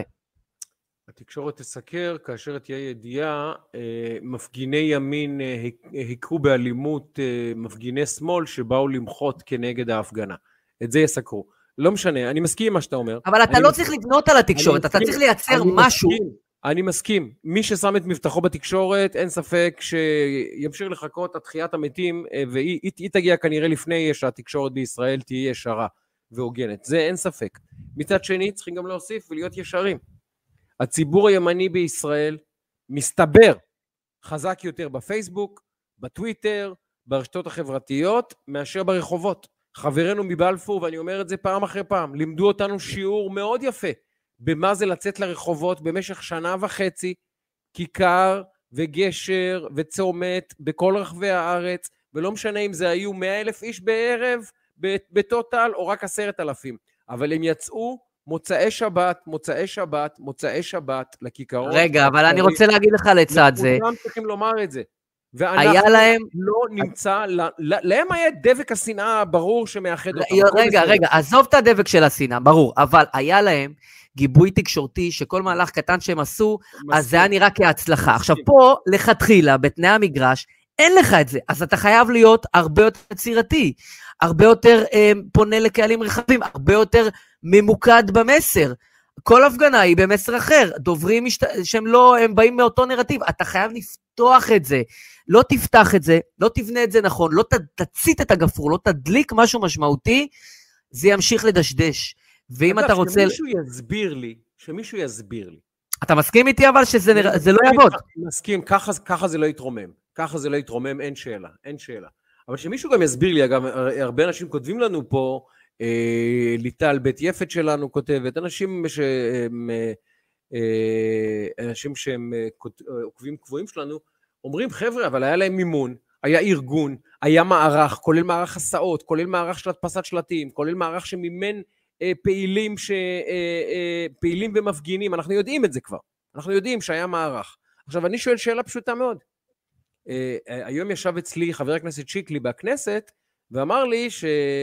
בכנסת, באולפן, סליחה, ואמר לי שבדוחות שהוא אה, ראה, 90 אחוז מהתקציב, מהמימון של שוברים שתיקה והחבורה, מה שנקרא, מגיע מחו"ל בכלל. עכשיו, אני שואל, אני לא רוצה להתאפל לארגוני השמאל, איפה הכסף הימני? איפה המיליארדרים הימניים? אבל אתה, אתה רק מזקק את העניין, תשים לב. איפה הוא? איפה אבל, הכסף הימני? אבל אני, אני אומר, אני אומר אחר, אני אומר, אני, אני לוקח את הנקודה שלך לאזור הפרגמטי ואומר את הדבר הבא. ינון מגל חברנו, העלה קמפיין מימון המונים שתרמו לו עשרות אלפי אנשים. ארבעה מיליון שקל? ארבעה מיליון... ארבעה מיליון שקל בקצת יותר, אבל לא משנה, ארבעה מיליון שקל. כי אם אתה מצית את הדמיון, וזה מה שאני אומר חידוד המסר, וזה מה שאני אומר מיקוד, אם אתה מצית את הדמיון סביב משהו שיש לו מכנה משותף רחב, שהוא קליט והוא בהיר והוא מובן, והוא לא מתפזר, והוא לא בורח, אלא הוא ממוקד וחכם, אז אתה יכול לייצר, כי הימין הוא לא פחות יצרי ורגשי מהשמאל, בסדר? והוא יודע לצאת החוצה לא פחות. זה לא העניין של המימון מגיע משם או המימון מגיע מפה. אם, if you built it, they will come. אם תצית את הדמיון, אנשים ילכו אחרי זה, אבל, אנש, אבל מי ש... ואני חלילה לא בא לא להחליף אף אחד, ולא לתת ציונים ולפגוע באף אחד, מלאכתם ברוכה. אבל אם אתה רוצה לייצר משהו שהוא רחב יותר, משמעותי יותר, ויש לנו רפרנס אז זה מכבר, אז אתה צריך אה, להצית את הדמיון, והפעולה הזאת עד עכשיו לא בוצעה, ועד שהיא לא תתבצע, תמשיך להיות בחמשת אלפים איש, שזה, אני, אימא שלי הלכה להפגנה, אוקיי? אימא שלי הייתה כן, בהפגנה. כן, כן, אני יודע, ראיתי את זה. אז אני אומר, אה, אז, אז אתה יודע, אנשים הולכים, אבל, אבל אתה לא תצליח להתרחב אם לא תהיה פה עבודה, עבודה אסטרטגית, חכמה, מדויקת, מזוקקת, שיודעת להגיע, לעשות בילדאפ נכון להפגנה, לבחור את הלוקיישן הנכון, לבחור את הדוברים הנכונים, לבחור את המסר הנכון, כי אם, אם אתה תעשה את זה נכון, אז 4 מיליון שקל בכמה ימים ועשרות אלפי תורמים, כי הנה, זה אפשרי. כותב לנו אלון מליק, אה, גם עוקב קבוע שלנו, זה לא המימון ולא המערך, זה נטו הפידבק התקשורתי, הוא מסכים איתך. הייתי במחאות, הובלתי הפגנות, אין דבר מתמרץ יותר מהעובדה שרואים אותך בחדשות. ויש בזה משהו. יש בזה משהו. כשאתה הולך להפגנה ואחרי זה אתה רואה ידיעות נכנסות מוויינט ווואלה ודה מרקר והארץ, כולם אומרים עשרות אלפי מפגינים, אתה אומר, אה, אני חלק מהאירוע הזה, אתה מרגיש שאתה שותף, אני מבין. וכשיש דממה תקשורתית, אתה אומר, למה לי בעצם? מוסכם, ועדיין, ועדיין. אה, עוד נדבר אם יהיה לנו זמן על אלי אבידר ועתיד הקואליציה הזאת ומה שקורה, אבל אין ספק שאם הימין בישראל רוצה לייצר איזשהו מומנטום שיגיע לכנסת בסופו של דבר וישפיע גם על הפוליטיקאים, זה יצטרך לקרות ברחוב. זה יצטרך לקרות ברחוב, כי הימין הפקיר את הרחוב לחלוטין, ואני מניח, אני מבין שאנחנו אה, כבר שמונה חודשים באפקט של פוסט-טראומה או הלם, או אה, לא יודע איך לכנות את האירוע הנפשי הזה. אבל אה, אלא אם כן מישהו חושב שזה פשוט יעבור מעצמו הדבר הזה שנקרא ממשלת בנט, והיא לא תעבור מעצמה, צריכים להמריץ אותה לעבור מהעולם. צריכים להמריץ אותה. ומי שחושב שלא משנה כמה קר לב וכמה גס ליבו יש של פוליטיקאי, אם הוא אדיש לעובדה שבמשך חודשים יוצאים אנשים לרחובות באלפיהם ובעשרות אלפיהם ובמאות אלפיהם וצועקים לו לך הביתה, הוא נשאר אדיש לזה, הוא טועה. הוא טועה. האנשים האלה בסופו של דבר מבינים שכאשר יש תנועה ברחובות, כאשר יש מומנטום אמיתי, הם מבינים שהמומנטום הזה אה, אה, לא מייצג אה, אה, רק זעם, אלא הוא מייצג גם מהלך, מהלך פוליטי, מהלך ציבורי, מהלך חברתי. פוליטיקאים מבינים את השפה. נכון, אבל אני אומר- בבית נכון. לכתוב לי אה, אה, קומנטים ויחשוב שזה מספיק, אז רחוק נכון. לא נגיע. זה רחוק נכון. לא נגיע. אני אומר את זה באהבה, לא נגיע רחוק. אתה, צודק, ואלון, תתחדש על העבודה החדשה, גם צודק. אה, הנקודה היא שאתה אה, אתה מכיר צריך... את אלון? מכיר את אלון. נכיר לך. אפילו ברמה, ברמה של מה, במה הוא עובד. נעשה לא ספוילרים אחר כך. לא נעשה מכיר, אבל ספוילר כתותח. אחר כך.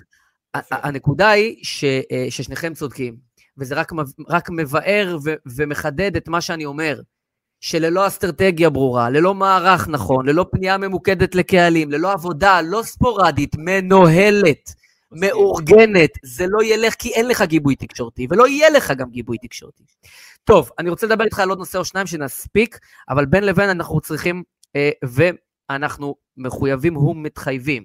ולכן אנחנו אה, גם השבוע ובכל שבוע, ומקווים מאוד, כמו אני אומר את זה בכל שבוע, מקווים מאוד שלא נצטרך לעשות זאת אותו דבר. ככל שנצטרך, אנחנו עושים זאת ונקפיד לעשות כך. אנחנו סופרים את הימים. אה, אברה מנגיסטו, אה, שנמצא 2,726 אה, לילות וימים בשבי, וזה זה, זה מבהיל המספר הזה, זה מפחיד, זה נורא, ואתה יודע, היה לפני כמה שבועות, היה היום הכי קר בשנה, ואני אני אומר לך, זה... אני, עברה לי בראש אה, אה, אימא של אברה, ואחות של אברה, ו- והמשפחה שלו, שאיזה איזה קושי זה, באמת, כאילו, הקושי הזה שאנחנו, אתה יודע, החיים מתנהלים וזה, ואברה 2,726 לילות וימים, אז אנחנו לא מקפידים יאמן. להגיד, זה מספר אנחנו לא מקפידים לא להגיד. את זה כאן, אנחנו לא נכנסים לעבודתו של ירון בלום, אה, שאחראי על הנושא של השבויים ונעדרים, ואני לא נכנס ב- ב- בתוך נבחי הדברים, אנחנו גם לא חשופים להכל, אבל יש עניין וערך ישראלי אה, של ערבות הדדית, ובכלל, אה, בטח כשמדובר בחלש בחברה, לבוא ולהציף את הנושא תקשורתית, לצערנו, נכון, זה לא הנושא הכי סקסי וכולי, הנושא הזה כמעט ולא עולה, אז אנחנו מתפקידנו להעלות את זה כאן. אז אנחנו מעלים את זה, זה לגבי אה, אברה, אני רוצה... יש נושא אחד שחייבים לסגור אותו, כי הבטחנו אותו גם בכותרת, חייבים לשאול, ואני אפתח בשאלה, והיא תהיה גם ההובלה לנושא. נאמר שסין שולחת לישראל קונסול, נאמר. נאמר שאנחנו קוראים בריאיון עם הקונסול, שהוא אומר, א', אינני יודע את מילות ההמנון הסיני בעל פה, ב', הוא לא מייצג אותי כלל וכלל, כמו כן, סין היא מדינה נפשעת שמייצרת פשעים נגד האנושות ונגד אזרחים ומפירה זכויות אדם באופן שיטתי, ונעים מאוד, אני קונסול סין בישראל. מה, מה לדעתך? אה, זה, תאר לך שסיטואציה כזאת הייתה קורית. אז ברור שהאישה הזאת בסין כנראה לא הייתה רואה את אור היום יותר לעולם, כן? וברור שאף מדינה בעולם שיש לה טיפה כבוד עצמי, טיפה, טיפה, גרם כבוד עצמי, עזוב פוליטיקה עכשיו, זה לא קשור לפוליטיקה, זה לא קשור אפילו ליאיר לפיד, זה לא קשור לכלום. זה קשור למדינה שאיבדה את כבודה הלאומי. מדינה שאומרת, אני שולחת אישה שאומרת בגלוי, ההמנון שזה לא מייצג אותי, כמו כן אני לא יודעת אותו בעל פה בכלל, ובנוסף זו מדינת אפרטהייד נפשעת שמבצעת פשעים והיא כובשת, והיא עכשיו נשלחת לייצג את המדינה עצמה, תחת דגל המדינה, בשכר של המדינה, עם דרכון דיפלומטי של המדינה, בשמי ובשמך גם. הדבר הזה מעיד שהמדינה שלנו איבדה את כבודה העצמי, והיא מצויה בתהליך התפרקות. וחברים, אה, צחוק צחוק, אפשר לה- להפיל הכל על לפיד, אבל זה יותר גדול מלפיד מה שקורה פה. יש פה משהו באתוס שלנו שמאפשר בכלל שווירוס כמו, כמו הפיגוע הזה שמבצע לפיד יתרחש. כי במדינה שיש לה כבוד עצמי, אמיתי, מדינה שברור גם לימין, גם לשמאל, גם לביביסטים, גם לבלפוריסטים, גם לשמאל קיצוני, גם לימין קיצוני, כמו שבארצות הברית אגב, ברור, הדגל האמריקאי קדוש, לפרוגרסיבי הפרוגרסיבי ביותר, למתקדם ביותר בשמאל האמריקאי, ברור שהדגל האמריקאי, ההמנון האמריקאי הוא קדוש. קדוש! לאיש שמאל הכי קיצוני שתמצא בארצות הברית, ואני אומר לך את זה, אני מכיר לא רע את התרבות האמריקאית. הדגל האמריקאי הוא קדוש, החוקה האמריקאית היא קדושה, ההמנון האמריקאי הוא קדוש, אה, כי יש להם כבוד לאומי. אנחנו מדינה שאיבדה את כבודה הלאומי. וזה שיאיר לפיד אה, מדרדר אותנו לעוד תהום, לעוד תהום, לעוד תהום, זה סיפור המשנה. אני אומר לך, משהו מאוד לא טוב קורה במקום הזה שנקרא מדינת ישראל, כי מדינה שלא בוערת ברחובות היום, וכנסת שלא משתוללת, ולא מגישה מיד 500 הצעות אי אמון, רק על רקע זה ברור ששום דבר לא יעבור. באופן סמלי, לומר הדבר הזה, הוא, הוא נפשע במהות שלו. האישה אומרת, מדינת ישראל היא מדינה שאותי לא מייצגת כי היא פושעת ונפשעת, ההמנון שלכם לא מייצג אותי, ואני גם לא טורחת ללמוד אותו בעל פה, ואני שולח אותה לייצג אותי בסין, אחת המדינות החשובות בעולם, באחד מעשרה התפקידים הקונסולריים הכי חשובים שיש למדינת ישראל בשירות הדיפלומטי? תשמע, ידידי, אתה כל פעם אומר, יותר נמוך מזה אי אפשר לרדת. שפל גרוע מזה לא נראה. וכל יום, אה, אה, שפל חדש, תחתית חדשה, תהום חדשה. ואני אומר לך, הסיפור, הוא, הוא, לפיד הוא אולי הטריגר או הקטליזטור או, ה, או הבובה שאליה אנחנו, לא הבובה, או העילה ש, ש, שאנחנו אליה נתפסים. אבל משהו גדול יותר קורה. כי במדינה שיש לה כבוד עצמי וגאווה לאומית ואתוס שמוסכם על כולם, זה לא היה קורה. זה לא יכול היה לקרות. זה לא יכול לקרות. אז תראה, אז קודם כל, זה, זה מביש ובלתי נתפס. באמת בלתי נתפס. אמ, הסכנה הגדולה ביותר, אתה יודע, כשאתה, כשאתה המפלגה הגדולה, אני מדבר על זה ב, ב, בהרצאות שלי, שהסכנה הכי גדולה למפלגה גדולה בקמפיין פוליטי היא האדישות. כי כשאתה אדיש ואתה לא מממש את זכותך הדמוקרטית האלקטורלית, אז אתה בעצם, אה, בעצם מאבד את הכוח שלך, והאדישות היא הסכנה הכי גדולה בכלל של אזרחים במדינה, כי אתה נהיה אדיש, ואנחנו כבר נהיינו אדישים בכל כך הרבה דברים, וזה באמת מהלך חסר תקדים, ואני רוצה לתת לך טייק על, ה, על הקטע הזה דווקא מה, של, של uh, זועבי, קצת רגע וננתח שנייה את המצב הפוליטי ומה קרה פה, ואיך בכלל, אנחנו מדברים על ממשלת קריית תרנגולת, uh, בערך מאז שהיא קמה. ובימים האלה אתה רואה ביטוי מובהק של הסחטנות, מובהק של הלקונה, מובהק של כל ח"כ מלך, וכל אחד עושה מה שבא לו. העיוות הזה, שהוא הממשלה, זה פשוט ממשלה שהיא עיוות של הפרלמנטריזם והדמוקרטיה בישראל, זה מה שזה. מוטציה. סלח לי. עכשיו, מה המהלך הפוליטי פה, אוקיי? אה, לפני, אה, מה, חודש ומשהו, אותה חברת כנסת אה, רינאוי זועבי מצביעה באופן מפתיע לחלוטין, מצביעה נגד חוק הגיוס. כן.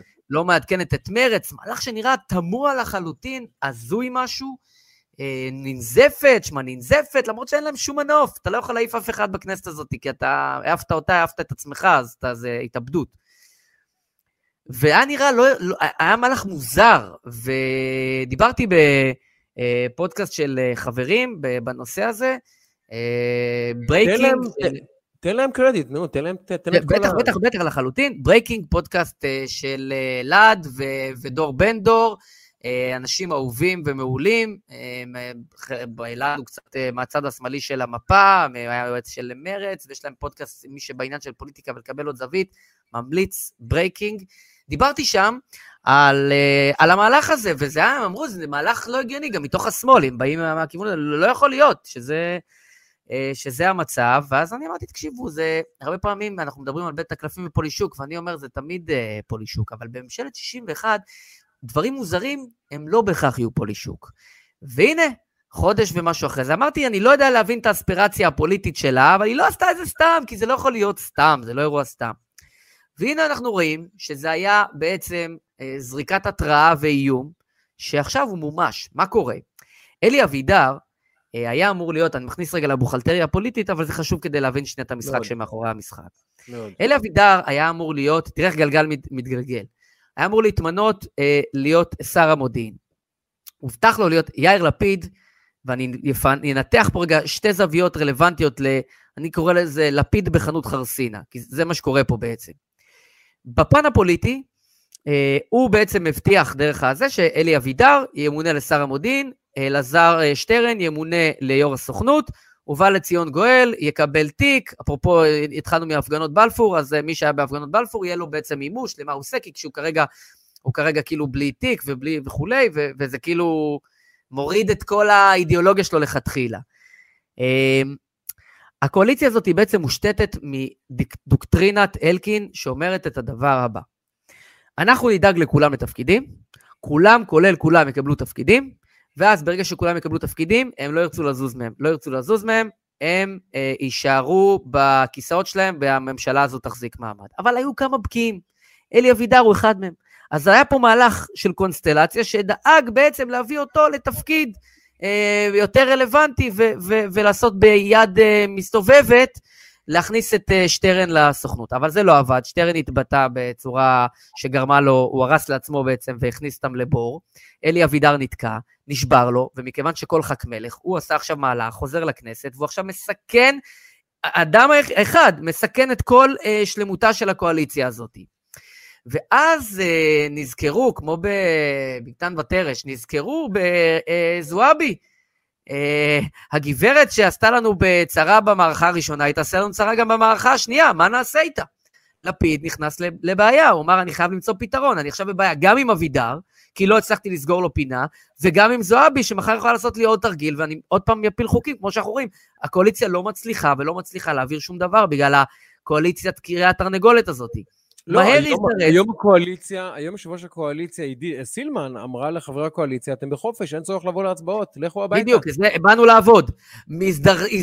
הזדרז לפיד ואמר, אני חייב למצוא לה תפקיד. אתה רואה שזו תפירה של לפיד בחנות חרסינה, כמו שהוא לא הצליח לתפור שם, הוא ניסה לתפור פה, ו, ואז הוא אמר, מה אני אעשה איתה? ונתן לה את התפקיד הזה. אני לא, אני לא חושב אפילו שהוא ניהל את ההשלכות של קדימה, איך זה ייתפס וכולי, אבל הוא היה חייב לייצר פה איזשהו מהלך שיזיז את, את האתגר הזה אה, מהדרך. אז, אז, הוא, אז אלי אבידר מייצר רגע, בעיה, אז, אז הכל, הכל בכיסויים. תנתח איתי, תנתח איתי את המהלך של בני גנץ. אני חייב להגיד לזכותו של בני גנץ, שעושה רושם, שלא משנה אם יש במהלך הזה גם כמובן ריח פוליטי ברור, הוא לפחות נלחם על העקרונות שלו, הקהל שלו והאנשים שאותם הוא מייצג באמת. הוא באמת מנסה לגונן אה, לשיטתו על המערכת שבראשה הוא עומד, שממנה הוא בא, וששם אני מניח גם יש הרבה מאוד אנשים שלהם הוא מחויב, גם פוליטית וגם אה, אישית וגם ערכית. לזכותו של גנץ, נאמר, אני מכבד את המאבק הזה שלו בלי שום קשר להקשר הפוליטי הרחב יותר. איך אתה רואה את המהלך שלו, ואם הוא יכול להידרדר גם האירוע הזה? אה, תראה, כשאתה, כשאתה מגלגל מהלך, קשה לדעת עד הקצה לאן הוא יגיע, אבל אני לא מעריך שזה יקריס את הקואליציה. צריך להגיד, בני גנץ הוא, הוא נהנה ממעמד דואלי, זאת אומרת, הוא מדבר גם פה וגם פה, הוא הרי יכול היה להיות ראש ממשלה ו- וויתר, ויש לו דיאלוג עם הימין, והנה ירד החוק של המימד החמישי. יש שם דיאלוג, זה לא, אה, זה לא כאילו תקווה חדשה, ימינה, שנמצאים בוואקום אחר לחלוטין. אה, אבל, אבל הסיפור פה של גנץ, ברור שזה מאבק מיניסטריאלי שלו כשר ביטחון, לא לדאוג לחברים שלו, לדאוג לאינטרסים שאותם הוא מייצג. איפה השגיאה בעצם בעניין הזה? השגיאה שכולם פה מותחים את החבל, וגם מתחו את בני גנץ עוד ועוד ועוד ועוד, ונמאס לו. אבל השגיאה הייתה לא בעצם, ה... אומרת, הייתה שגיאה ברגע שלא מימשו את ההבטחה לבני גנץ, ודחו ודחו ודחו. אבל אתה יודע מה הקדיש את הסאה? כשהוא נכנס לחדר, עם בנט, ותוך כדי שהוא נכנס עם, אה, עם אה, בנט לחדר, אתה מקבל פוש שאומר, צילמתי את זה פשוט, שמה זה? שהוא מתנהג כמו ילד קטן. שבני גנץ מתנהג כמו ילד קטן, תוך כדי שהוא נכנס לחדר, הגורמים שמקורבים מדליפים לו על הראש שהוא יקריס את הקואליציה והוא ילד קטן וכולי וכולי. זה הטריף את דעתו, ודעתו אגב מיושבת, הוא אדם אה, מיושב ומאוד שקול. אה, לא, אתה יודע, יש מינוסים ופלוסים, אבל אי אפשר לחשוב עליו שהוא אדם אה, אימפולסיבי ומשתולל וצעקן. לא, הדליק לא לו את הדלוקים, מה שנקרא, הטריף לו את הקופים, ויצא מה, מה, מהפגישה, פוצץ את הפגישה, הודיע לראש הממשלה, הלו"ז הסתיים להיום. בכמה דקות אחרי תחילת ה... זאת אומרת, הם הסלימו את המשבר בעצמם. בעצמם הם הסלימו את המשבר, וזה טעות על טעות, ואתה רואה שיש פה רגע איזושהי יציאה מאיזון. תיקח את כל הנקודות, אלי אבידר, אה, זועבי, תסתכל גם על הפתרונות הלא אינטליגנטיים שהם מייצרים. מהמם, מהמם. גנץ, עכשיו אתה רואה את רביב דרוקר מול, אה, איך קוראים לו, אה, חבר הכנסת אה, שהגן על הפנסיות, כן, אה, מיכאל אה, אה, מירוחם. כן, זה, זה קטע שאתם חייבים לראות, לא יודע איך תשימו אז- עליו יד. אז רגע, ניגע בעוד שנייה, אז, כן, אז, כן, אז אתה מבין שיש פה אה, כבר, אה, זה קצת out of hand, כמו שאומרים, זה קצת בורח להם מהידיים. וזה- קצת, כן. כן, וזה שאבידר נכנס, ואתה רואה את, את השליחה שלה לסין, שזה הכל כלאיים כאלה, זה כבר נהיה, מיכאל ביטון, תודה לינה, זה יותר ויותר אה, אה, אה, סוגר עליהם. עכשיו, עדיין, זה הרבה מאוד אירועים טקטיים שיכולים לה- להגיע למשבר אסטרטגי, אבל צריך לזכור שלתקווה חדשה, לימינה, למרץ, יש פה עוד כמה שחקנים שהם בסכנה אמיתית בהינתן שהולכים לבחירות, כולל מצב שלא יעברו את אחוז החסימה, ולכן הם יהפכו כל אבן וכל דרך כדי שהדבר הזה לא יתפרק, וזה מגנט מאוד מאוד חזק, שמשאיר את הקואליציה הזו על כנה, ולדעתי גם עוד ישאיר טיפה עליו שזה נראה כאילו זה מתפרק כל רגע. הפרפורים האלה של מתפרק כל רגע יכולים להמשיך גם הרבה זמן. אני, אנתח את זה ברמה ספרותית או, קולנוע, או קולנועית, לא פוליטית. ואני אומר ככה, שאני חושב שעכשיו בקואליציה יש לפחות חמישה, שישה, שבעה אנשים שרואים את עצמם כגיבורי על שהוחמצו. פשוט אנשים שהיו אמורים להשפיע על ההיסטוריה הישראלית ולא השפיעו מספיק, כי לא ראו אותם, לא זיהו אותם, לא הבינו אותם. עיין ערך אלי אבידר, אדם שלדעתו הוחמץ לחלוטין בממשלה הזאת. והאנשים האלה, דרכם לשנות את ההיסטוריה, דרכם לקבל את הכבוד, נדב, יש פה אגו, יש פה שופוני, יש פה. גם עניינים פסיכולוגיים אישיים, זה לא רק רציונל ואסטרטגיות ושיקולים. יש פה הרבה אגו, יש פה הרבה כבוד. למישהו בסופו של דבר, הכבוד ינהל אותו, האגו ינהל אותו, הדם החם ינהל אותו, והרצון להיות האדם שירד להיסטוריה. כולנו זוכרים את השם אלכס גולדפרב.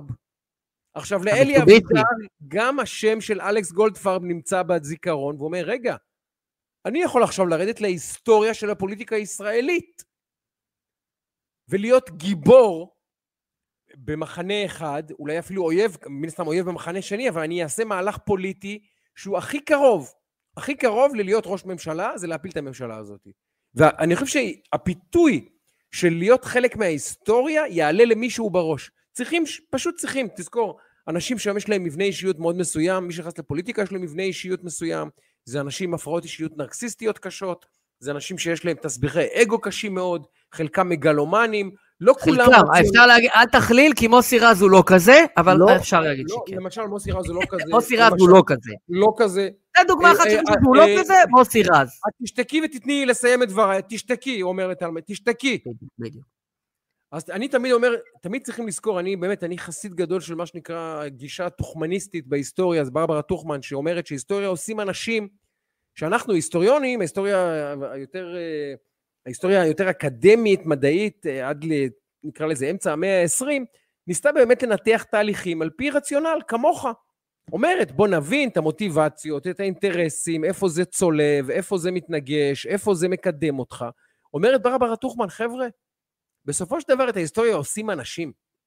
והיא מביאה כמה סיפורים היסטוריים מרתקים על, על אירועים היסטוריים, נספר סיפור היסטורי קטן שמספרת ברברה טוחמן כדי לסבר את האוזן. למשל, המהפכה הצרפתית. אומרת ברברה טוחמן, מה שהיסטוריונים לא מבינים, איך לואי השישה עשר, הטמבל הזה, לא הבין, לא הבין, לא הבין, שכל צרפת בוערת, שהתחילה המהפכה, מה שנקרא האגררית, המהפכה החקלאית, ושהם עומדים לעלות לו על, ה, על הארמון ולערוף את ראשו, איך הוא לא הבין? פשוט מאוד אומרת ברברה טוחמן. באותה תקופה, בחצר, המלך הצרפתי, מה שהעסיק אותו זה שמועה שאשתו, מרי אנטואנט, לא עלינו, אה, בוגדת בו עם אחיו, שאחיו ואשתו מנהל, מנהלים רומן. אז הוא עשה, עסוק בזה בשנתיים שלמות, ובכלל לא שם לב שצרפת בוערת לו מתחת לקרקע. next thing you know, כשהוא מתעורר כבר מאוחר מדי, הבסטיליה כבר בידיהם, ודקה אחרי זה הם כבר בתוך אה, ארמון ורסאי, והם עורפים את ראשו ואת ראשה של המלכה. אותו דבר יהיה פה, יהיה אדם שאנחנו לא נזהה את המוטיבציה הפסיכולוגית שלו, האישית שלו, של האגו שלו, והוא יפיל את הממשלה. ה wild card הזה. עכשיו, ונסיים בזה, הדוגמה שנתת היא מצוינת. שוו בין עצמכם שקית מלאה מים, ומישהו בא ושם אה, אה, סיכה, מתחיל לטפטף. אז בא יאיר לפיד ואומר, טוב, צריכים את החור הזה לסתום, שהשקית לא תתרוקן. אז בא אלי אבידר, שם סיכה אחרת. אומרים, טוב, נשים פה עוד יד. זה כבר שקית שכל כל כך הרבה אצבעות צריכות לסגור את החורים שלה כדי להחזיק אותה, שבסוף לא יהיו מספיק אצבעות נדב. זה כבר סטטיסטיקה, זה כבר בני אדם. ואני אסכם בזה שאמר לי היום אה, אה, אה, שיקלי.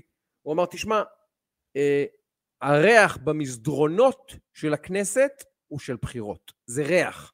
זה עוד לא בחירות, זה עוד לא קורה, זה לא מחר, זה לא בעוד חודשיים. אבל כבר יש, הניחוח כבר, אתה יודע, כמו שיש איזה ניחוח רחוק של בישולים שעולה מקצה הרחוב, הריח כבר באוויר, הוא אומר. אז אני אגיד לך משהו על הריח הזה, בניגוד לדעת שיקלי, אני, אני חושב שזה ריח מסוכן לאופוזיציה. נכון. וזה ריח מסוכן לאדישות. ברור. כי ברור. כי אני חושב שאנחנו עוד לא שם. כל הסימנים המעידים, זה עוד לא, אתה יודע, מה היה בקו בר לב? היו צריך כמה סימנים המעידים, הפינוי השגרירות, אפרופו עכשיו מה כן, שקורה. כן, כן, מסכים, זה אנחנו עוד לא שם. יש עוד, יש עוד. אבל המבנה הזה של הקואליציה, שמראש אמרנו שהוא פשוט, נכון. אה, הוא לא, הוא נגד חוקי הפיזיקה, ממש להחזיק את הדבר הזה, בסופו של דבר זה יקרוס. ואנחנו רואים את הסדקים אחד אחרי השני, אחרי השלישי, אחרי הרביעי, אחרי החמישי. נכון, זה לאט. נכון, ואנחנו מסמנים אותם פה גם, הם מאוד, אה, גם, אה, גם אה, מבחינה נפשית מנטלית, גם מבחינה פוליטית, דיברנו פה על הרבה מהם. רציתי לדבר איתך גם על ההתנהלות הבאמת לפיד בחנות חרסינה של לפיד בין וואו. רוסיה לאוקראינה. רציתי לדבר איתך קצת גם על הרעיון של רביב דרוקר, שאני, על הרעיון, כי זה באמת היה רעיון שלו עם עצמו, אבל אני ממליץ לכל אחד לראות את השיח שהוא ניהל עם עצמו כשברקע היה מיכאל ביטון.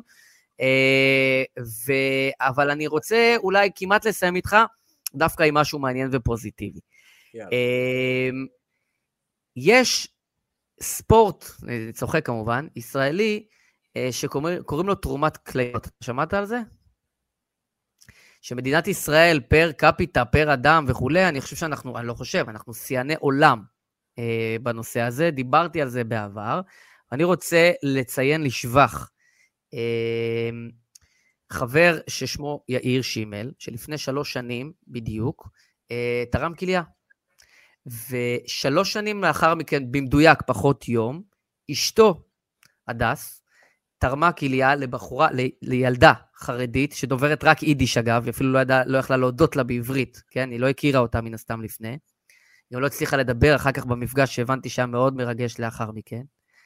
אמ, ובעל ואישה שבשלוש שנים, מיד, בדיוק שלוש שנים אחרי, תרמו כליה, כל אחד בצורה כמובן התנדבותית לחלוטין.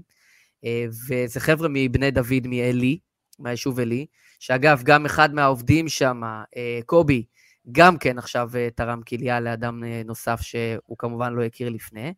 ואתה יודע, מדברים הרבה, אנחנו מדברים פה הרבה על דברים ברומו של עולם, מה שנקרא, ודברים חשובים, ו... אה, וגם הרבה פעמים אני רואה את הקטע שכאילו אה, מדברים על המתיישבים, ודעות, וזה, וכל מיני עניינים, ולא בכדי בעיניי מגיעה התרומה הזאת, ובאמת, זה, זה אנשים, אתה יודע, זה לתרום ממש באופן מובהק, מוחלט, נקי וטהור, אה, ואני חושב שלא בכדי אנחנו אלופי העולם בזה, ולא בכדי החבר'ה דווקא מעלי ומהיישובים האלה ביהודה ושומרון, זה בכלל אה, נהיה כבר ספורט לאומי. של אנשים שתורמים uh, כליות לאנשים אחרים, שכמובן... אגב, תרומת, תרומת כליה זו אלימות, וזה חלק מאלימות המתנחלים. תדע, כן, זו פעולה אלימה. אלימות ברוטלית של המתנחלים. זו פעולה אלימה. בדיוק, בדיוק. וגם אגב, אם הם היו, אם היו תורמים שם, ויכול להיות שגם יש כאלה, אין לי מושג, לערבי, אז יגידו שאנחנו מטמיעים עכשיו, הכיבוש, הוא גם נגד, כיבוש גופני גם. אתה יודע, אין לזה, אז, אבל, אבל באמת, אה, אה, לפרגן מכל הלב לחבר'ה האלה, ואלה דברים שפחות שומעים עליהם בתקשורת, אבל אני חושב שחשוב גם לדבר עליהם, על, על תרומות נקיות, אנחנו עוד מעט מתקרבים לפסח ונראה הרבה מאוד מבצעי תרומות כאלה ואחרים, גם נדבר עליהם, כי אנחנו, אני מחובר לכמה, אז היה אה, חשוב לי להציף את הנקודה הזאת, אותי זה מאוד מאוד שימח, אני חושב שאלה אנשים באמת מעוררי השראה, אה, ווואלה, מרים להם, ליאיר ולהדס ולקובי ולכל מי שנמצא בתוך המפעל המדהים והמיוחד הזה אה, של הרב ישעיהו הבר, שאשתו היום אה, ממשיכה את המפעל הזה, אז אה, באמת זה מדהים ובאמת צדיקים, אין לי מה להגיד. נדמה שאין טון נכון יותר לסיים את הפרק הזה. רציתי לדבר איתך גם על ה... איך נקרא לזה? האיום, האיום, שלא לומר ניסיון הסחיטה של הקואליציה, את בני גנץ ל- להורות על הקמת ועדת חקירה לממד החמישי. הממד החמישי. סיפור מדהים, מדהים. העולם קורס לתוך עצמו, זה מדהים. מדהימים. הם אומרים, אם אה, לא תצביע איתנו, אנחנו נצביע, אנחנו אה, נעביר את הוועדת חקירה לממד החמישי. לא ייאמן. תסתכל את הציניות שהם משתמשים בה במושגים של משפט, פרקליטות, צדק, הם פשוט מודים בפעולה הזאת שהכל משחק, שהכל משחק פוליטי. מה אומרת הפעולה הזאת, ומחר אני אעלה לשידור ואקדיש לזה יותר זמן אולי, מה אומרת הפעולה הזאת? הכל פוליטי, ואנחנו משתמשים בחקירות האלה כדי לקדם אינטרסים פוליטיים שלנו, ואמרנו לגנץ, הנה, הנה, ידידי, אם לא תצטרף אלינו, לא, לא אה, אה, תתמוך, נפעיל את הנשק שיש לנו, שהוא משפט. זה לא ייאמן שהם אומרים את זה מול... בגלוי. בגלוי. מערכת על השולחן. והצדק זה... הישראלי הפכו להיות כלי משחק בידי פוליטיקאים. זה, זה לא ייאמן, זה... זה גלוי כבר. דיברנו על הנושא של המקפצה, שהיא כבר הגיעה ל... אתה יודע, היה מזל שהיה אולימפיאדת חורף, כדי שיוכלו גם בסקי, אתה יודע, להגביה את המקפצה, שאין את התקרה של הבריכה בא, באולימפי. אבל זה, זה באמת, זה שובר שיאים כל פעם, ואנחנו רואים את ההתנהלות פה, היא באמת מדהימה ויוצאת דופן. אה, אבל תשמע, יש לנו עוד הרבה דברים שאנחנו עוד נרחיב עליהם בימים הקרובים. דיברנו, ישבנו פה שעה ורבע, וזה הרגיש כאילו עשר דקות, ויש לנו עוד 300 דברים לדבר עליהם. נכון, נכון. ויש נכון, פה נכון. את uh, סנונית, ו- ואיתן, ו- וליטל, שממש מתחננים, לא, לא, אל תפסיקו, אבל uh, אנחנו... אבל נגיד, אנחנו... נגיד, נגיד, ש...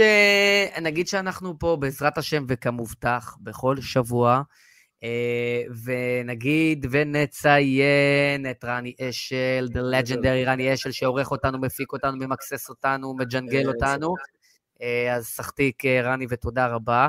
אה, ונגיד תודה רבה וגדולה לכן ולכם, מאזינות ומאזינים, צופות בעיקר, וצופים. זה, אני, אני באמת, אני חייב להגיד באנקדוטה, זה כאילו נשמע, לא יודע, אבל זה די מטורף, כמות הפידבקים ש, שאני מקבל, ששי, אני יודע שגם אתה מקבל, התגובות שאנחנו מקבלים, כמות האנשים, אז זה, זה, זה, תבינו, זה מספרים מאוד משמעותיים, ומה שנקרא, אתם לא לבד. אה, יש פה הרבה מאוד אנשים, אלפים על אלפים, בכל פרק אנחנו רואים פה, אה, באמת, זה מגיע לעשרות אלפי אה, אנשים שנחשפים לכל אחד מה, מהפרקים, זה דבר מדהים, סך הכל, משהו ככה ששי ואני ורני הקמנו ככה. אה. שכחתי לספר לך, אני, אני אסיים בזה. תן, תן, תן. אז, נדב עשה יום הולדת, והזמין כמה מחבריו, ואני במקרה עברתי בסביבה, לא, לא הוזמנתי. במקרה אמר, אמר, אמר איזה קטע, במקרה ככה זמן. בירה ברחוב, בירה באמצע הרחוב. אז עשה יום הולדת והזמין כמה חברים באיזה מקום, וישבנו בחצר, היה נחמד מאוד, וכולי וכולי, ואני יוצא משם, ואיזשהו אה, או מלצר או ברמן או מישהו שעבד שם, אומר לי, איזה קטע, עכשיו הבנתי, סתכל מה הוא אומר לי, עכשיו הבנתי מאיפה אני מכיר אותך. חשבתי שהוא אומר לי כרגיל, מהטלוויזיה וזה. אמרתי לו, כן, כן, הוא אומר, לא, אתה מהפודקאסט איתו. אתה מבין? הוא זיהה אותך, ואז הוא אמר, מי זה ההוא שמדבר איתו וזה, ואז כשאני יוצא בדרך הביתה, הוא אומר לי, אה, עכשיו אני מזהה אותך, זה אתה ההוא מהפודקאסט איתו. אמרתי, כן, זה אני ההוא מהזה, בול, כזה. אז באמת, זה, זה, זה כיף אדיר, ובאמת גם אה, נותן לנו drive להמשיך ולעשות, אז אה, באמת, תודה רבה לכן ולכם, זה לא מובן מאליו, זמן זה אחד הדברים הכי יקרים, בטח לכל אחד שהוא בתוך, ואנחנו כולנו עסוקים בהרבה מאוד דברים. אז אה, תודה רבה לכן ולכם. אנחנו כאמור ביוטיוב ובפייסבוק ובספוטיפיי ובגוגל פודקאסט ובאפל פודקאסט וב Podbean, באמת בכל פלטפורמה אפשרית פחות או יותר. אז אתם יכולים למצוא אותנו ול subscribe ולשתף ולהפיץ את הבשורה. אה, אז אה, נגיד תודה רבה רבה. שייקה, מילות פרידה?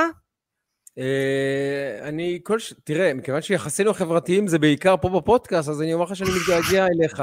ואני אוהב אותך. אני רוצה להגיד למאזינות ולמאזינים שלנו, אה, את השעה שאתם מקבלים פה מנדב, אנשים משלמים הרבה הרבה הרבה מאוד כסף כדי לשמוע אותו מדבר ונותן להם עצות ופרשנויות וניתוחים ואת הזווית ראייה שלו, אז אה, זכיתם.